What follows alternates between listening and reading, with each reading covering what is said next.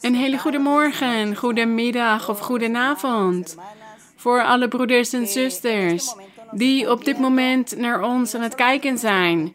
En niet alleen degenen die hier in de live-uitzending bij ons zijn, maar ook de broeders en zusters die later deze uitzending zullen zien. Want ik weet ook dat er velen zijn die geen internetverbinding hebben, maar die zullen dit later zien. Dus voor jullie allemaal een groet, een omhelzing met veel genegenheid voor jullie allemaal. Mogen God altijd bij jullie zijn. Mogen Hij naar jullie omkijken met zijn ogen vol barmhartigheid en liefde. Mogen Hij jullie gebeden aanhoren. Dat is mijn verlangen. En wij zijn gelukkig en blij, want we gaan onze God eren. We gaan onze God verheerlijken.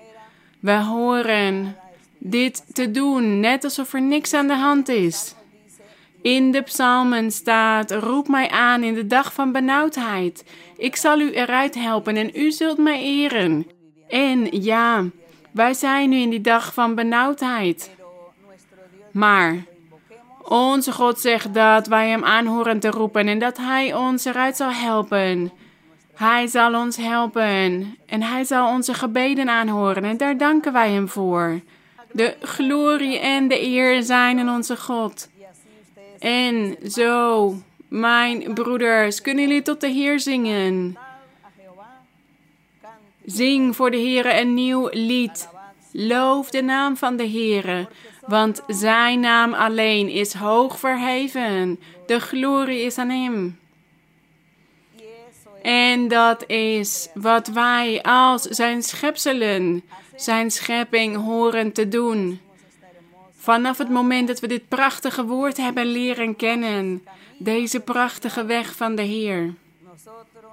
Wat wij doen is ons verheugen door God te loven, door Zijn naam te zoeken.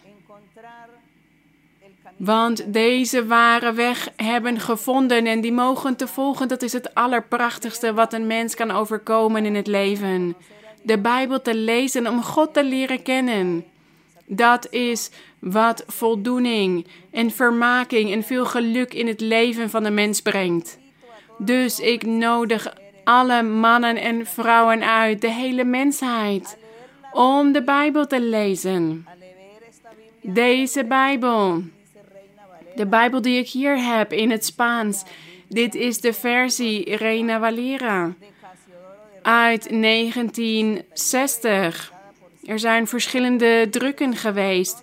En wij gebruiken nu die uit 1960. En in het Nederlands gebruiken wij de herziene statenvertaling uit 2010. En deze Bijbel die lezen wij zo graag. Hoewel er soms archaïsche woorden of ouderwetse woorden in voortkomen. En woorden die niet meer gebruikt worden vandaag de dag. Want ja, de talen ontwikkelen zich en blijven zich ontwikkelen. Maar daar zijn ook de woordenboeken voor. En omdat we constant de Bijbel aan het lezen zijn, helpt God ons om ook deze woorden te begrijpen. Dus dit is niet moeilijk, dit is de beste Bijbel, de beste versie om de Heer te kunnen overdenken. En als wij dit doen met veel eerbied en met veel respect, dan zal de Heilige Geest komen. Hij zal naar ons leven komen en ons vullen van de kracht van God en ons vullen van geluk. Daarom nodig ik jullie uit om deze Bijbel te lezen. Zoek deze weg van God. Probeer de waarheid van God te vinden. Want wat wij vandaag de dag op de wereld zien, ik weet dat de Heer boos is. Hij is erg boos op de mensheid. Vanwege het kwaad, vanwege de zonde en de afgodendienst. Want er is zoveel afgodendienst in alle landen. Zoveel afgoderij, overal waar we maar naartoe gaan. Overal wordt geloofd in heiligen, in mannen en vrouwen. En zij worden als goden gezien. Of ze geloven in de doden, in de demonen. Ze aanbidden de demonen en zij brengen offers aan de demonen. En ook sectes waar de duivel wordt vereerd. Dus ja, God is boos. op de mensheid. En hij laat op dit moment weten aan de mensheid en aan de wetenschap dat God krachtiger is dan de wetenschap, die grote wetenschap die zegt dat God niet bestaat. Maar kijk, God is ons allemaal een lesje aan het leren. Hij zegt, ja, ik besta. Hij bestaat. Want deze epidemie zien we over de hele wereld. Er is geen enkel land dat hierdoor niet aangetast is. Door deze besmettelijke ziekte. En wat kunnen zij nu zeggen? Wat kunnen zij nu denken? De wetenschap heeft tot op de dag van vandaag nog geen medicijn kunnen ontdekken voor dit virus. En ze hebben dit niet ontdekt. En ze zullen dit waarschijnlijk niet kunnen ontdekken, want het zal God zijn die deze besmettelijke ziekte weg zal nemen. En als God dan zegt tegen die ziekte: Het is genoeg nu, dan zal vast de wetenschap dit medicijn kunnen ontdekken. Maar hoe dan ook, dit is een waarschuwing die God geeft aan de mensheid. De wetenschap hoort te erkennen dat er een krachtige God bestaat. Dat is het belangrijkste. Geloof in Hem en neem Hem aan, want anders zal God alleen maar bozer worden. En we weten niet hoe ver dit kan komen. Mogen God ons beschermen, mogen Hij Zijn kinderen beschermen. Zijn gelovigen, de volgelingen van het evangelie van Christus Jezus. Het evangelie, ja, want er zijn vele mensen die zeggen ik ben christen, maar er zijn vele christenen die kennen God niet. Ze noemen zichzelf wellicht christenen, maar ze kennen God niet, want ze zijn de Bijbel aan het verdraaien, het woord van de Heer. En ze vermengen dit of ze hebben dit vermengd, het christendom, met afgoderij. Want ze zeggen dat ze christenen zijn, maar tegelijkertijd dienen ze afgoden en daarom is God boos. Daarom spreek ik altijd over het ware evangelie. Het ware evangelie waar het hier in de Bijbel over gaat. Waarin geen afgoden bestaan, geen, geen bijgeloof, geen standbeelden, geen heiligen die aanbeden worden. We gaan hier vandaag over nadenken. We gaan hierover lezen.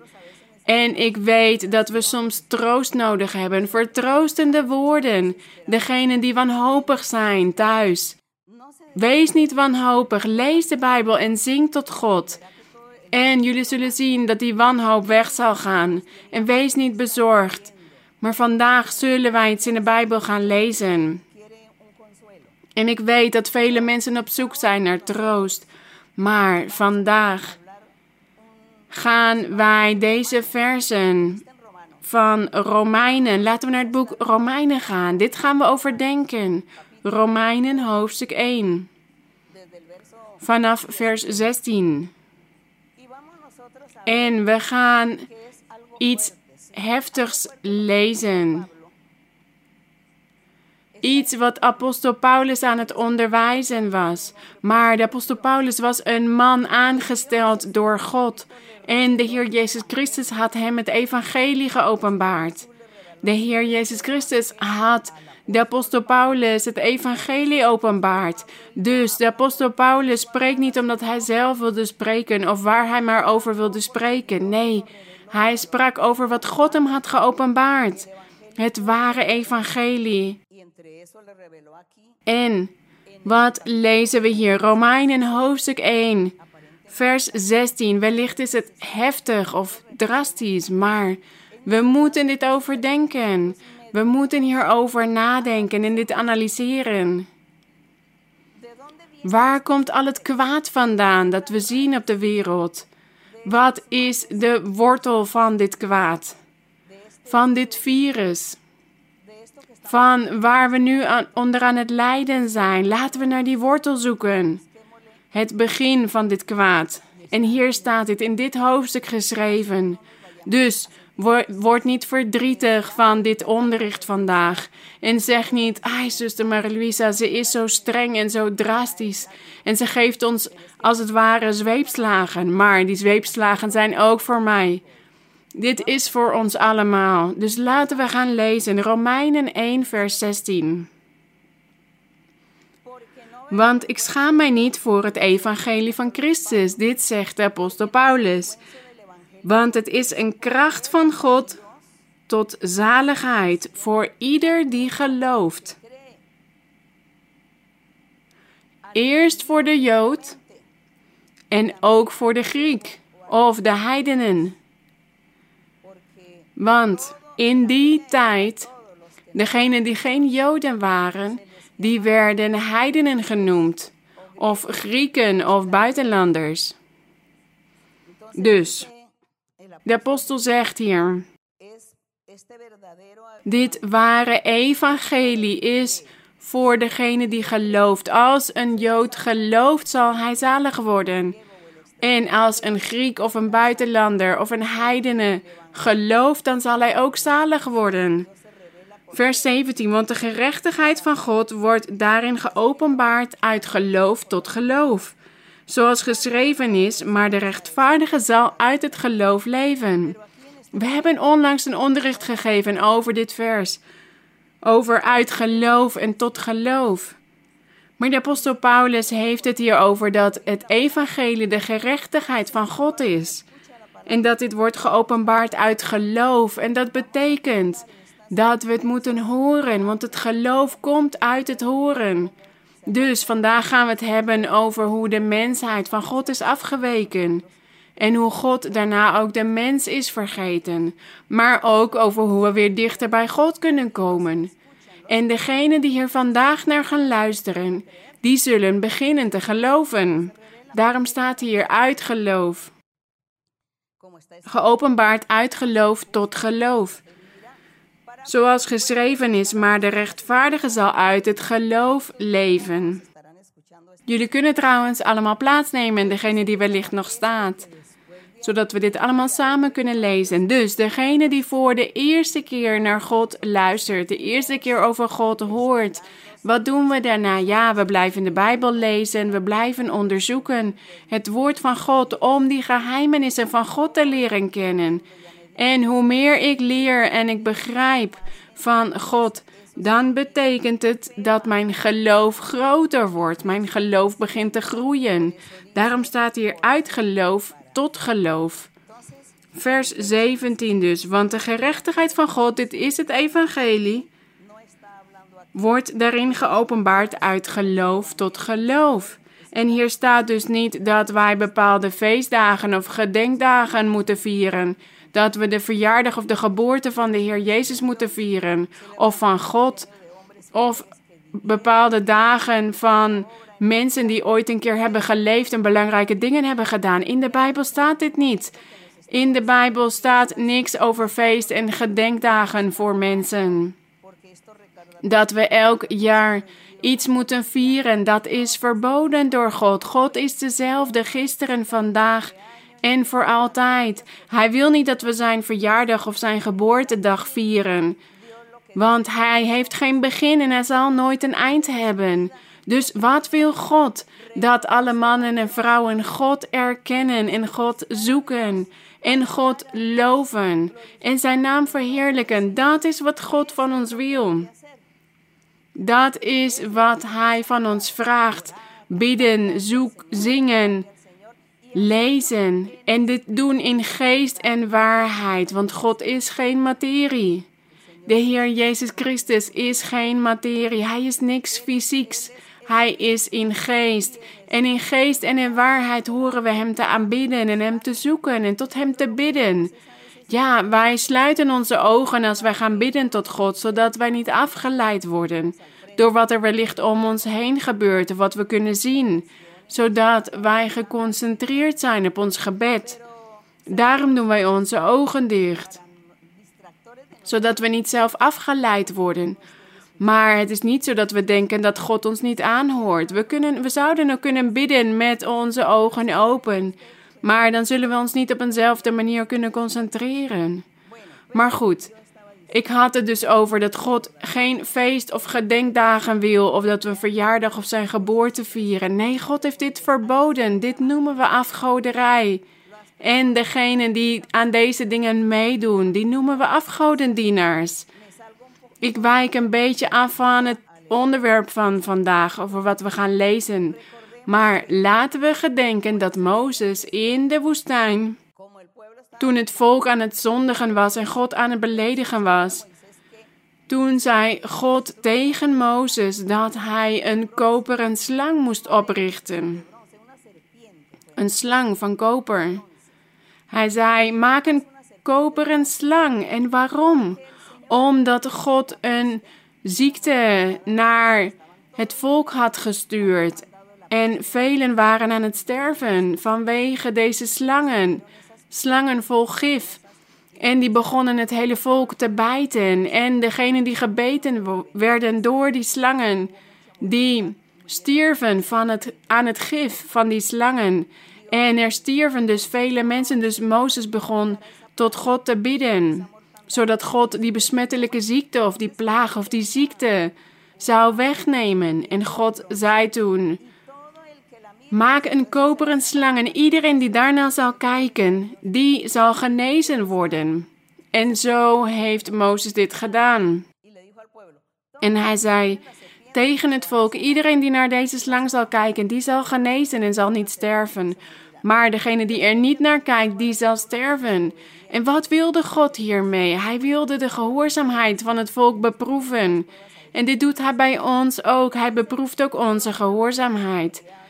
En in die tijd gebeurde dit zo dat velen naar de slang begonnen te kijken en dat ze genezen werden. Maar wat gebeurde er daarna? Wat hebben zij toen met die slang gedaan? Het volk van Israël had die tendentie om afgodendienaars te zijn. We hebben het over het volk van Israël in die oudheid. Wat begonnen zij te doen? Ze begonnen deze slang te aanbidden als een afgod. Hoe hebben ze dit gedaan? Ze namen die slang overal mee naartoe, waar ze ook maar naartoe gingen. En zij maakten daar een soort van nis als, als een altaar. Zoals mensen vandaag de dag ook doen. Om een standbeeld aan te aanbieden. En dat deden ze dus ook voor die slang.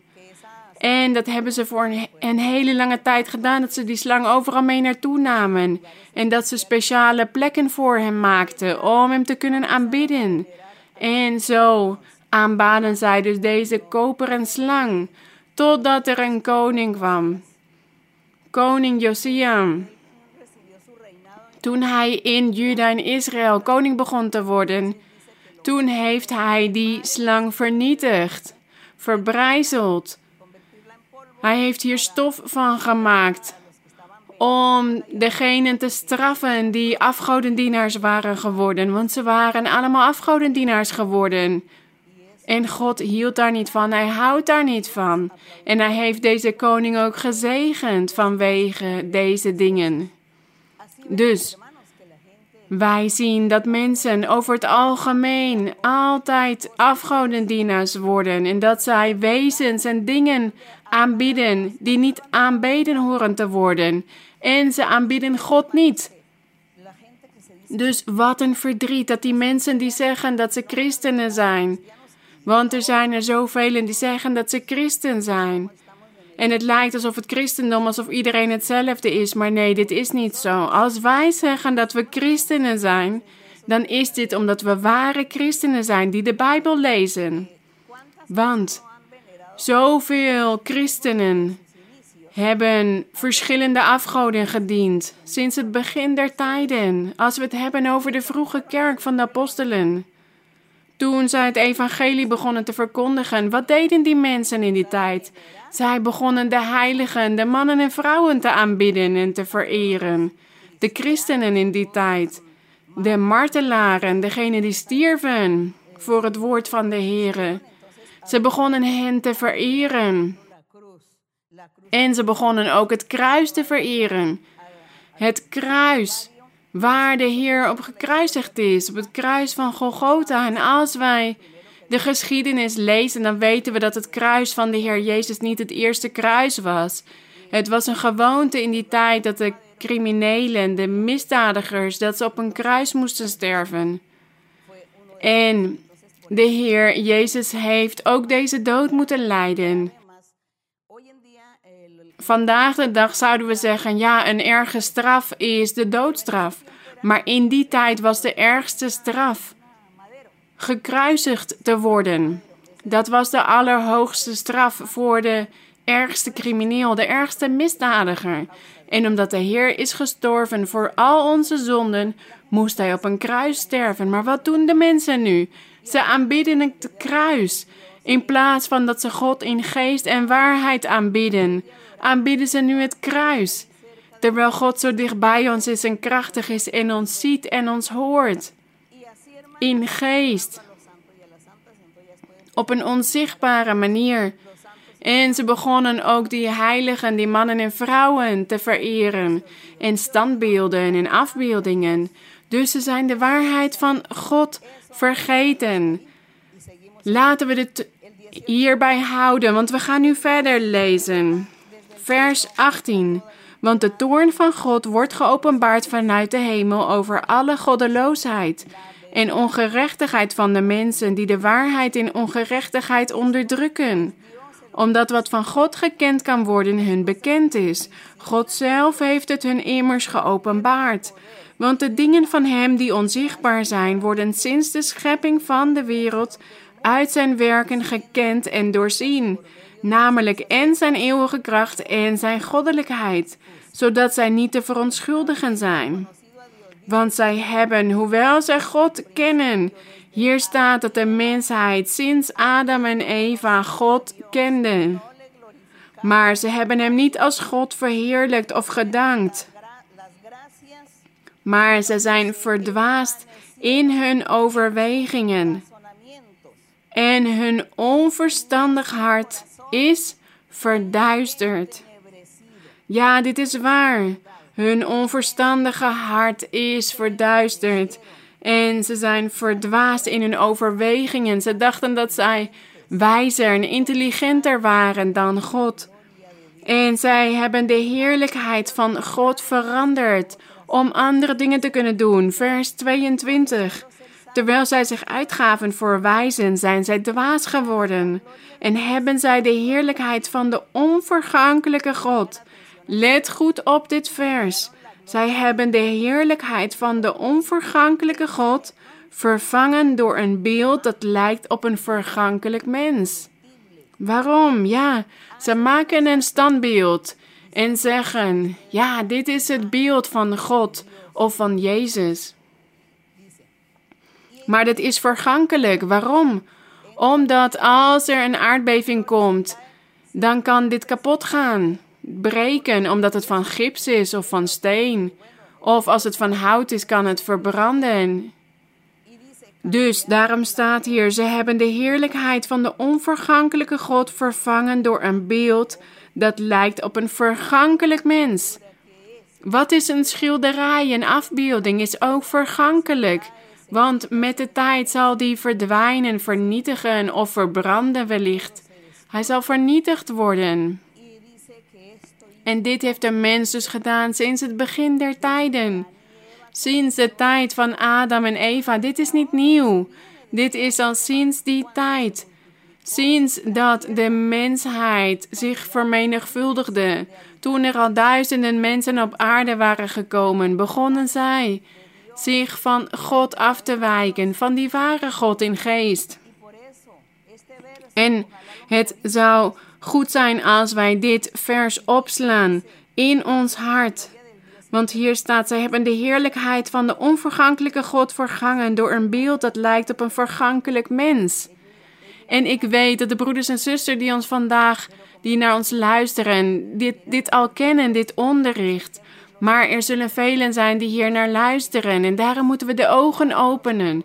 Willen jullie gelukkig zijn? Open dan jullie ogen en luister naar dit onderricht veranderen. Dan zullen jullie zien hoe God jullie vrede gaat geven en gezondheid en het eeuwige leven. De glorie is aan God.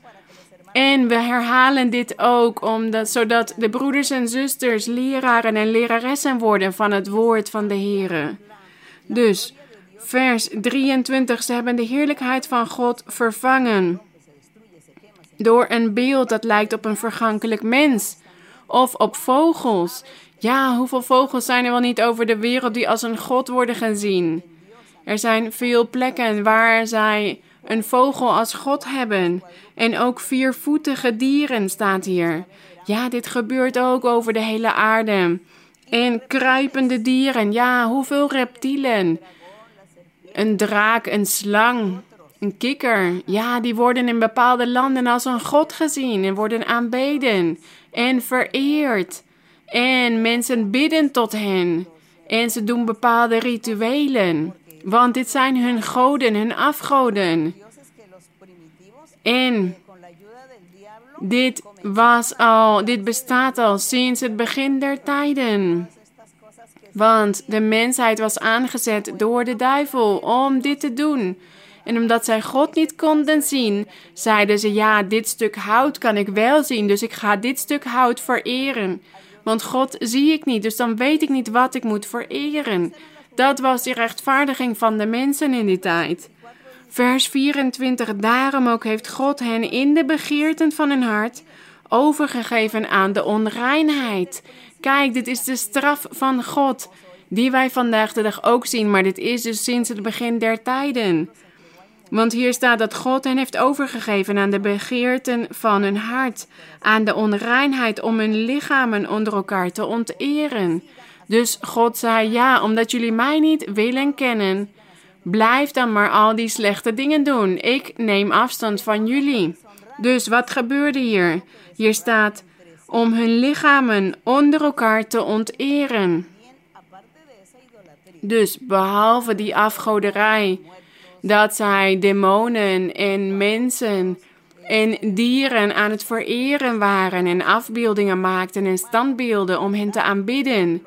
Behalve dat begonnen ze ook hun lichamen te onteren. Wie heeft hen dit onderwezen? De vijand, de duivel.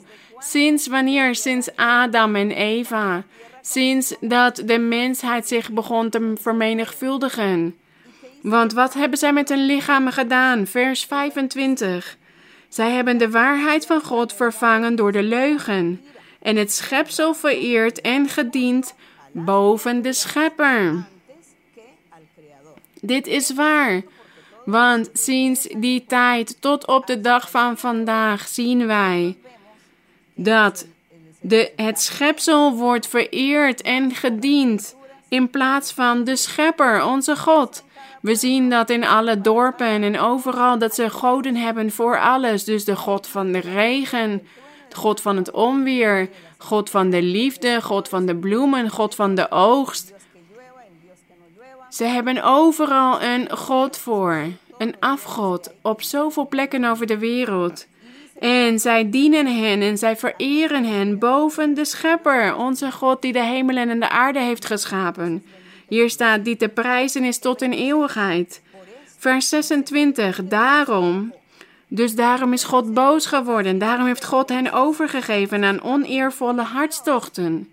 Dus kijk, God heeft de mensheid, of laten we zeggen, God heeft ons overgegeven aan oneervolle hartstochten. Want ook hun vrouwen hebben de natuurlijke omgang vervangen door de tegennatuurlijke. Dat staat hier. Ja, dus hier staat de vrouwen hebben die natuurlijke omgang vervangen door de tegennatuurlijke, want het is tegen de natuur. Dus we zien niet meer een stel van man en vrouw, maar een vrouw met een vrouw. En waarom is dit gebeurd? Omdat de duivel deze mensen in is gegaan. Dwaze mensen, mensen vol verwaandheid en trots en verkeerde gedachten om tegen God op te staan. En ze begonnen dus allemaal andere dingen te denken, onjuiste dingen te denken en te doen. En daarom heeft God hen overgegeven aan hun eigen gedachten. En zo zijn ze dus door blijven gaan in die slechte dingen. En zo heeft God redenen om de mensheid te straffen. Want God had de mensheid de weg onderwezen, maar omdat de mensheid hem niet heeft willen volgen, zal hij hen hiervoor straffen. Hij zal op een gegeven moment om rekenschap vragen. Dus, vers 27. En evenzo hebben ook de mannen de natuurlijke omgang met de vrouw opgegeven en zijn in wellust voor elkaar ontbrand. Mannen doen schandelijke dingen met mannen en ontvangen het gepaste loon voor hun dwaling in zichzelf. En wanneer is dit dus allemaal gebeurd? In de tijd van Adam en Eva is dit begonnen. Want we zien ook dat God boos was geworden in de tijd van Noach. Hij had tegen Noach gezegd dat hij een ark moest bouwen, zodat hij en zijn familie gered konden worden, omdat hij de hele mensheid wilde vernietigen, omdat de mensheid zoveel verschrikkelijke, afschuwelijke dingen aan het doen was. Dus God had een straf gestuurd en een vervloeking, kunnen we wel zeggen. God had hen een vervloeking gestuurd. Want de Heer had hen overgegeven aan de onreinheid van hun eigen gedachten, van hun eigen mentaliteit. En daarom zijn wij vandaag de dag allemaal slachtoffer hiervan geworden. We zijn hier allemaal slachtoffer van geworden. Van al deze zonden. Die bestonden in die tijd, sinds de schepping van de mens. En God had dus die straf gestuurd, die vervloeking. En wij zijn hier allemaal slachtoffer van geworden. Want dit is ook over ons gekomen. Dezezelfde zonden en zwakheden en tendenties in ons vlees. En die vervloekingen die God had uitgesproken in die tijd. Vanwege de ongehoorzaamheid. Dus de hele mensheid is hier slachtoffer van geworden. Van deze zonde, van wat de duivel heeft gedaan in het begin der tijden. Maar we zien nu ook de barmhartigheid van onze God. De barmhartigheid van onze God, omdat we gered zijn door onze God. Want velen van ons zijn al gered van al deze dingen. Maar wat ontbreekt ons nog? Daar zullen we straks over lezen, of over het over hebben. Want we gaan eerst deze, al deze versen lezen over wat de mens allemaal heeft gedaan en wat wij dus hebben geërfd van die generaties. Wij hebben dit geërfd, maar wat is de oplossing? Vers 28. En omdat het hun niet goed dacht God te erkennen, hun, dus het gaat hier over de mensheid sinds de tijd van Adam en Eva. Want de duivel had hen onderwezen om te zondigen en alles wat ze moesten doen om tegen God op te staan. En hier staat dus omdat de mensheid het niet goed dacht God te erkennen, heeft God hen overgegeven aan verwerpelijk denken, om dingen te doen die niet passen. Dus dit is dan een persoon geworden die niet meer juist nadenkt, die niet meer juist beredeneert of geen gevoel meer heeft. Dit is dan iemand die gek kan worden, schizofreen. Daar heeft God de mensheid aan overgegeven. Aan al dit primitieve, al deze dingen die wij zien sinds het begin der tijden.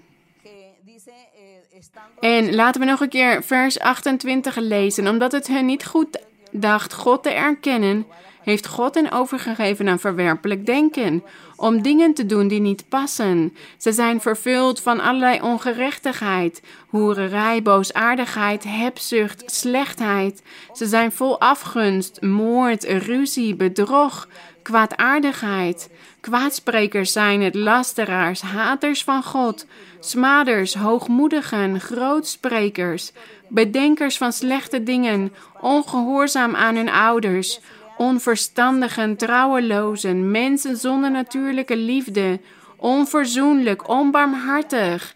Waarom zou ik elke zonde nog uitleggen? Al deze onreinheden en deze zwakheden. Al deze schandelijke dingen. Die zijn begonnen sinds die tijd. Om God te beledigen om God niet te eren, niet de glorie te geven, maar om zich juist van God af te keren en ervoor te zorgen dat God boos werd op zijn mensheid, op zijn schepselen, op die schepselen die hij had geschapen met zijn eigen hand. Want we lezen dat God de mens heeft geschapen voor zijn glorie, voor zijn eer, voor zijn lofuiting. Daar had hij de mens voor geschapen. Dat was het doel van God. om de mens te schapen om Hem te loven, om Hem te eren, om Zijn naam te verheerlijken, zoals de engelen in de hemelen doen, degenen die God dag en nacht vereren in de hemelen. Maar deze vijand, de duivel, die uit de Eden werd gestuurd, uit het paradijs, omdat hij Adam en Eva had laten zondigen. Die vijand is het hart van de mensen ingegaan om al deze zonden te doen. Dus God heeft toen eerst de zondvloed gestuurd naar de mensheid.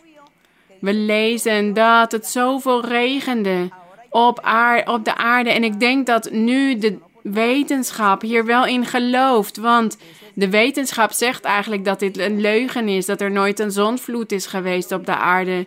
En dat de hele mensheid is gestorven, behalve Noach en zijn familie. Vanwege de straf van God. Ze zeggen dat dit niet waar is, dat dit een fantasie is. Maar ik denk dat ze nu er wel in geloven. Dat er wel bovennatuurlijke dingen bestaan waar de mens niet over kan heersen. Waar de mens niet over kan bepalen. Of wat de mens niet kan wegnemen vanwege wat we vandaag de dag meemaken. En ik denk dat ze nu zullen zeggen: ja, de zondvloed heeft wellicht wel bestaan. Toen God die zondvloed naar de aarde had gestuurd, dit was om de mensheid te vernietigen. En ze zijn allemaal gestorven, verdronken, behalve Noach en zijn familie, vanwege deze zonden waar we net over hebben gelezen. Het zou goed zijn als jullie thuis dit hoofdstuk nog een keer kunnen lezen, om hier goed naar te kijken. Dus we weten dat God de zondvloed naar de aarde had gestuurd om iedereen te vernietigen. En daarna is uit Noach weer de, zijn weer de nieuwe generaties uit voortgekomen. En ze begonnen weer hetzelfde te doen. Ze begonnen weer aangezet door de duivel tegen God op te staan. En we lezen ook in de Bijbel over twee steden, Sodom en Gomorra dat God deze steden had gestraft, vernietigd. Want in deze twee steden waren heel veel afgodendienaars en tovenaars en spiritisten of mediums en bezweerders. En er waren veel zwelgpartijen en homoseksualisme en lesbianisme en zoveel dingen. Zij waren gespecialiseerd in al deze zonden. En daarom was God zo boos geworden op deze twee steden. En dat hij één rechtvaardige uit die stad had gehaald. Om de rest te kunnen vernietigen. Hij heeft die twee steden verbrand. Er is vuur uit de hemel gevallen om die twee steden te vernietigen. Maar omdat de wetenschap zegt dat God niet bestaat en dat dit een leugen is, een verhaal is, dat dit een fantasie is. Nee, dit is echt gebeurd. Kijk wat we vandaag de dag zien. De situatie die we nu meemaken met dit virus. Er zijn vele mensen die zijn overleden en er zullen ook vele mensen gek worden omdat ze opgesloten zitten in een huis, wellicht in een appartement. En ze zijn als het ware opgesloten. Er zullen velen wanhopig worden. En er zullen velen ziek worden in hun hoofd vanwege deze opsluiting. Waarom? Omdat er sinds het begin van die tijd gezondigd is onder de mensheid.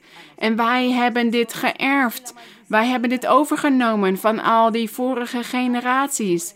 Dus al die vervloekingen zijn ook over ons gekomen.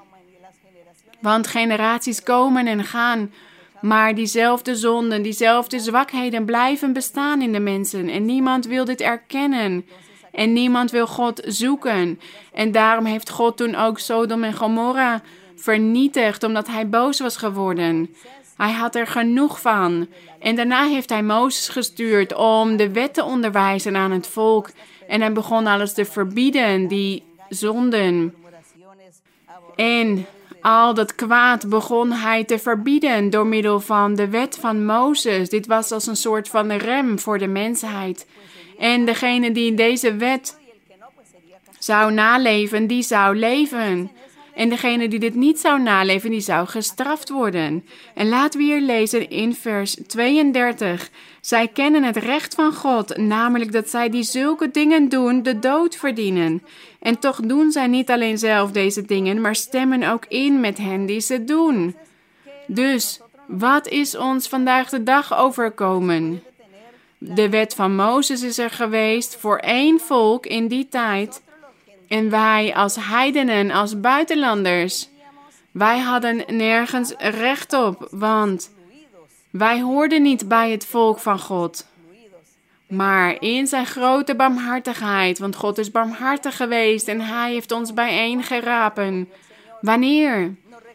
Toen de Heer Jezus Christus naar de aarde kwam om zijn evangelie te verkondigen, om het goede nieuws te verkondigen, het woord van de waarheid, de weg van de waarheid.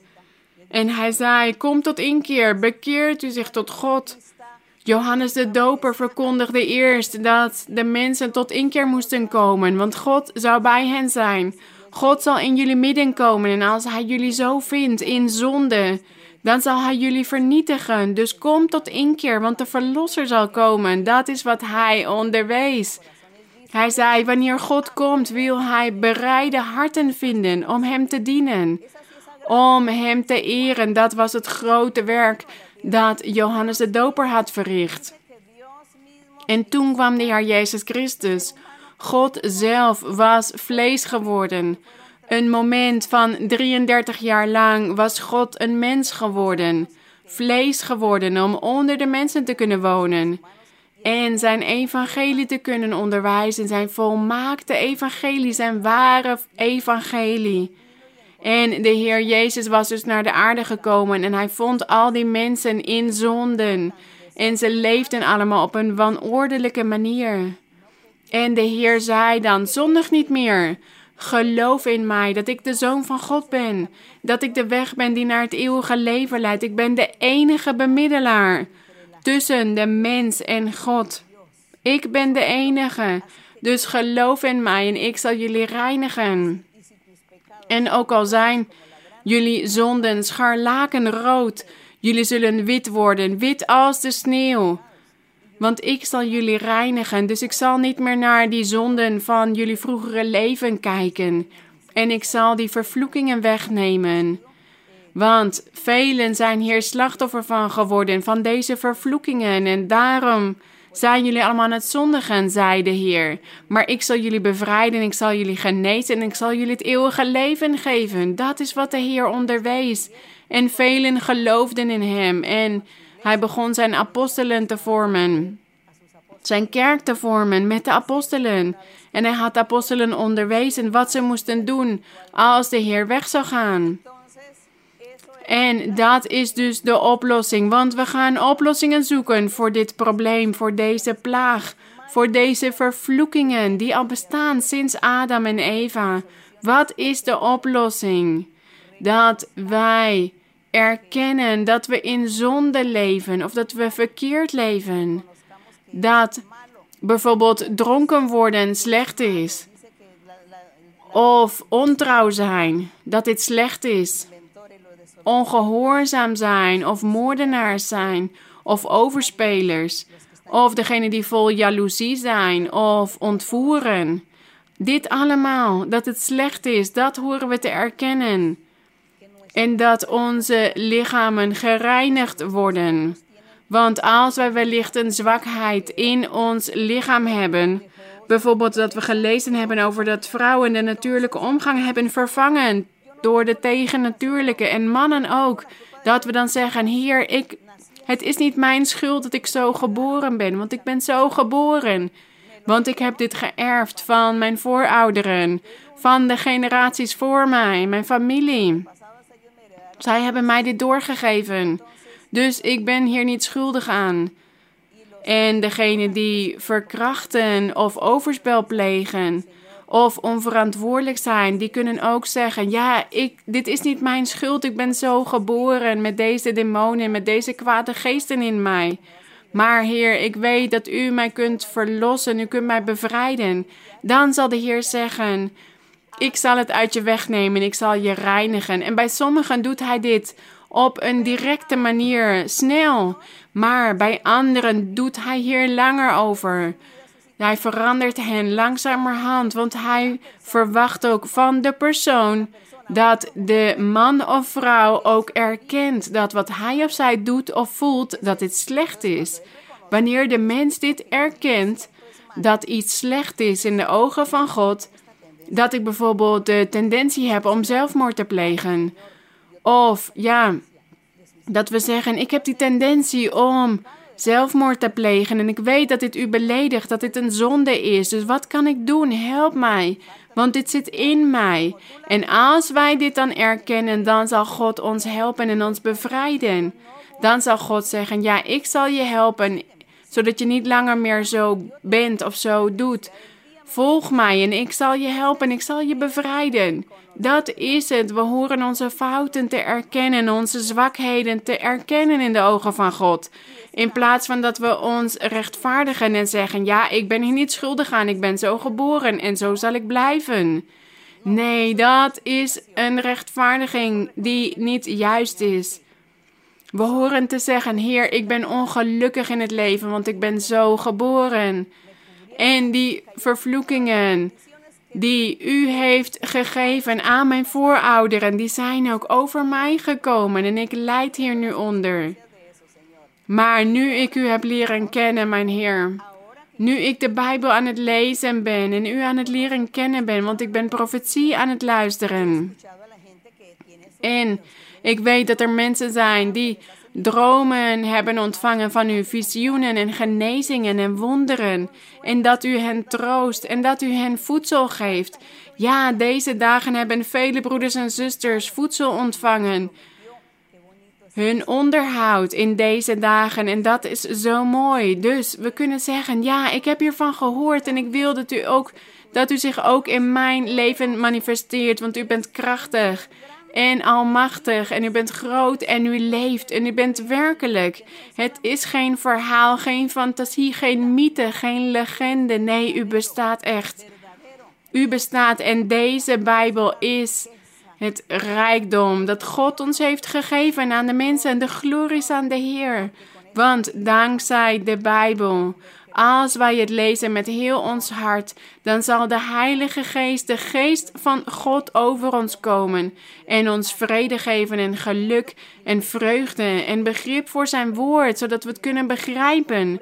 Het woord van de Heer kunnen begrijpen. Dus dit is een uitnodiging voor jullie allemaal.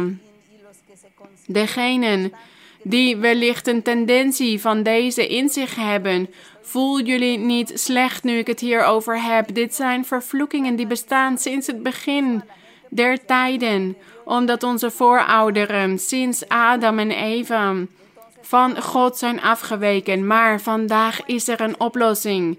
Onze Heer Jezus Christus, het ware evangelie van Christus Jezus, dat is onze oplossing. Niet het christendom. Vergeet het christendom, want dat is iets heel algemeens geworden. Het christendom is zo algemeen vandaag de dag. En er zijn velen die zeggen: Ja, ik geloof in Christus, ik ben christen. Maar ze kennen de Bijbel niet en ze kennen God niet en ze lezen de Bijbel niet. Wellicht zeggen ze dat ze christen zijn omdat hun ouders dat waren en omdat ze zeiden: Ja, jij bent nu ook christen. Dus als we het hen vragen, dan zeggen ze: Ja, mijn ouders hebben mij onderwezen dat ik christen ben. Maar ken je God wel? En dan zegt die persoon: Nee, geen idee. Ik ken God niet. Ik heb hem nog nooit gehoord. Ken jij die God die spreekt, die tot ons spreekt en ons leidt? En die zegt dan: Nee, dit is een dwaasheid. Dit bestaat niet. Maar daarom zeggen wij: Ik nodig jullie uit om de Bijbel te lezen. En bid tot God met heel jullie hart. En vraag aan de Heer: Heer, zet mij op de juiste weg. Zet mij op de juiste weg, zodat ik die plek kan bereiken waar u zich manifesteert. Want God manifesteert zich onder de mensen. De glorie is aan God. God heeft zich in ons midden gemanifesteerd. In de kerk van God, ministerieel van Jezus Christus internationaal. We hebben dit voorrecht gezien. Dat God zich manifesteert aan alle gelovigen die tot onze kerk horen.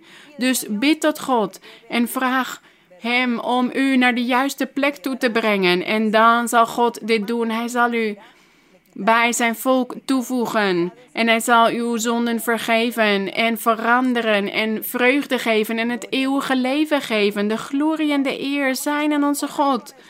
Laten we gaan bidden tot onze God, tot onze hemelse Vader, gezegende God, krachtige God. We danken u, mijn Heer. U heeft Adam en Eva geschapen. Als wij lezen in de Bijbel, mijn Vader, over het begin in Genesis. U heeft ons toegestaan om deze schriften te hebben vandaag. En we lezen over hoe u de mens heeft geschapen en hoe u de mens heeft onderwezen dat ze van de natuur gebruik konden maken om te overleven. U heeft alles onderwezen aan de mens, architectuur, bouwkunde, wat dan ook, alles wat er maar bestaat, alle kennis die de mensen hebben. U heeft dit onderwezen, mijn Heer. Want u heeft de mens gelukkig willen maken omdat u wilde regeren, Heilige Vader. Maar de vijand heeft hier een stokje voor gestoken. Maar nu, nu wij zien hoe de duivel, hoe de vijand de mens van u af heeft laten wijken. Wij die u nu vandaag kennen. Dat is zo prachtig, mijn Heer. Het is een reden van veel blijdschap om u te voelen in ons hart. En daarom vragen wij u, mijn Heer, om al die mensen die wij kennen en iedereen die hier naar luistert, familieleden en vrienden en kennissen. Iedereen die hier naar luistert, dat zij ook deze prachtige ervaringen mogen meemaken die wij hebben beleefd met u. Dat zij ook de aanwezigheid van de Heilige Geest mogen voelen en uw aanwezigheid, mijn Heer dat uw krachtige hand bij hen mogen zijn. Geef hen dromen en visioenen, mijn Heer. Spreek tot hen, mijn Heer. En ze zullen van mening veranderen en ze zullen u zoeken en ze zullen u loven en u vereren, want u bent dit waard, mijn Heer. We danken u, mijn Vader. Dit is uw liefde, uw barmhartigheid, uw vergeving. Heb medelijden met hen. Geef hen geestelijke ervaringen. Die grote personages, die krachtigen, die leiders, die regeringsleiders en ook degenen die de macht hebben in de wetenschap, die belangrijke personages. Geef hen openbaringen. En laat hen uw weg zien, mijn Heer, zodat zij u in ieder geval erkennen, mijn Heer. Erkennen dat u bestaat. Ja, mijn Heer, u kunt alles doen. Voor u is er niks onmogelijk. Als u dit wil, dan kunt u dit doen, mijn Heer. En wie zijn wij om u te zeggen wat u moet doen? Maar wij vragen u dit alleen. Dit is alleen een gebed tot u, want dit is ons verlangen, mijn Heer. Dit is ons verlangen dat zij u ook mogen leren kennen. Dank u, mijn Vader, eeuwige God. Wij loven u en wij geven u de eer en de glorie en de lofuiting. Van u is het koninkrijk en de heerlijkheid en de kracht tot in alle eeuwigheid. Halleluja. En in de luisterrijke naam van uw Heer, de Heer Jezus Christus, van uw Zoon, vragen wij u dit allemaal, mijn Vader. En wij vragen u ook voor degene, wij bidden tot u voor degenen die ziek zijn. Niet alleen maar degenen die ziek zijn geworden van dit virus. Genees hen, mijn Heer. Degenen die ziek zijn geworden van dit virus. Maar ook degenen die ongeneeslijk ziek zijn. Die zoveel verschillende ziekten in hun lichaam kunnen hebben. Strek uw krachtige hand uit en geef genezing. En degenen die lijden onder onreine geesten en toverijen en bezweringen. Bescherm hen en bevrijd hen, zodat zij niet schizofreen zullen worden. Berisp, bestraf deze kwade geesten en geef vrede en rust en blijdschap. Diegenen die dit zo hard nodig hebben, mijn Vader, uw liefde en uw barmhartigheid bij hen. Verzadig hen met het beste van de tarwe, zoals u dit in uw Bijbel zegt. Geef hen het voedsel dat ze nodig hebben. Zorg ervoor dat ze geen gebrek lijden en dat ze gezond zijn, mijn Heer. Maar dat ze u erkennen, mijn Heer, en u loven en u zoeken met oprechtheid. We danken u, mijn God, mijn koning. We danken u in de naam van Christus Jezus. Amen. De glorie is aan u. We danken de Heer. Mogen God jullie allemaal zegenen. Dank jullie wel. Vele omhelzingen. God zegenen jullie.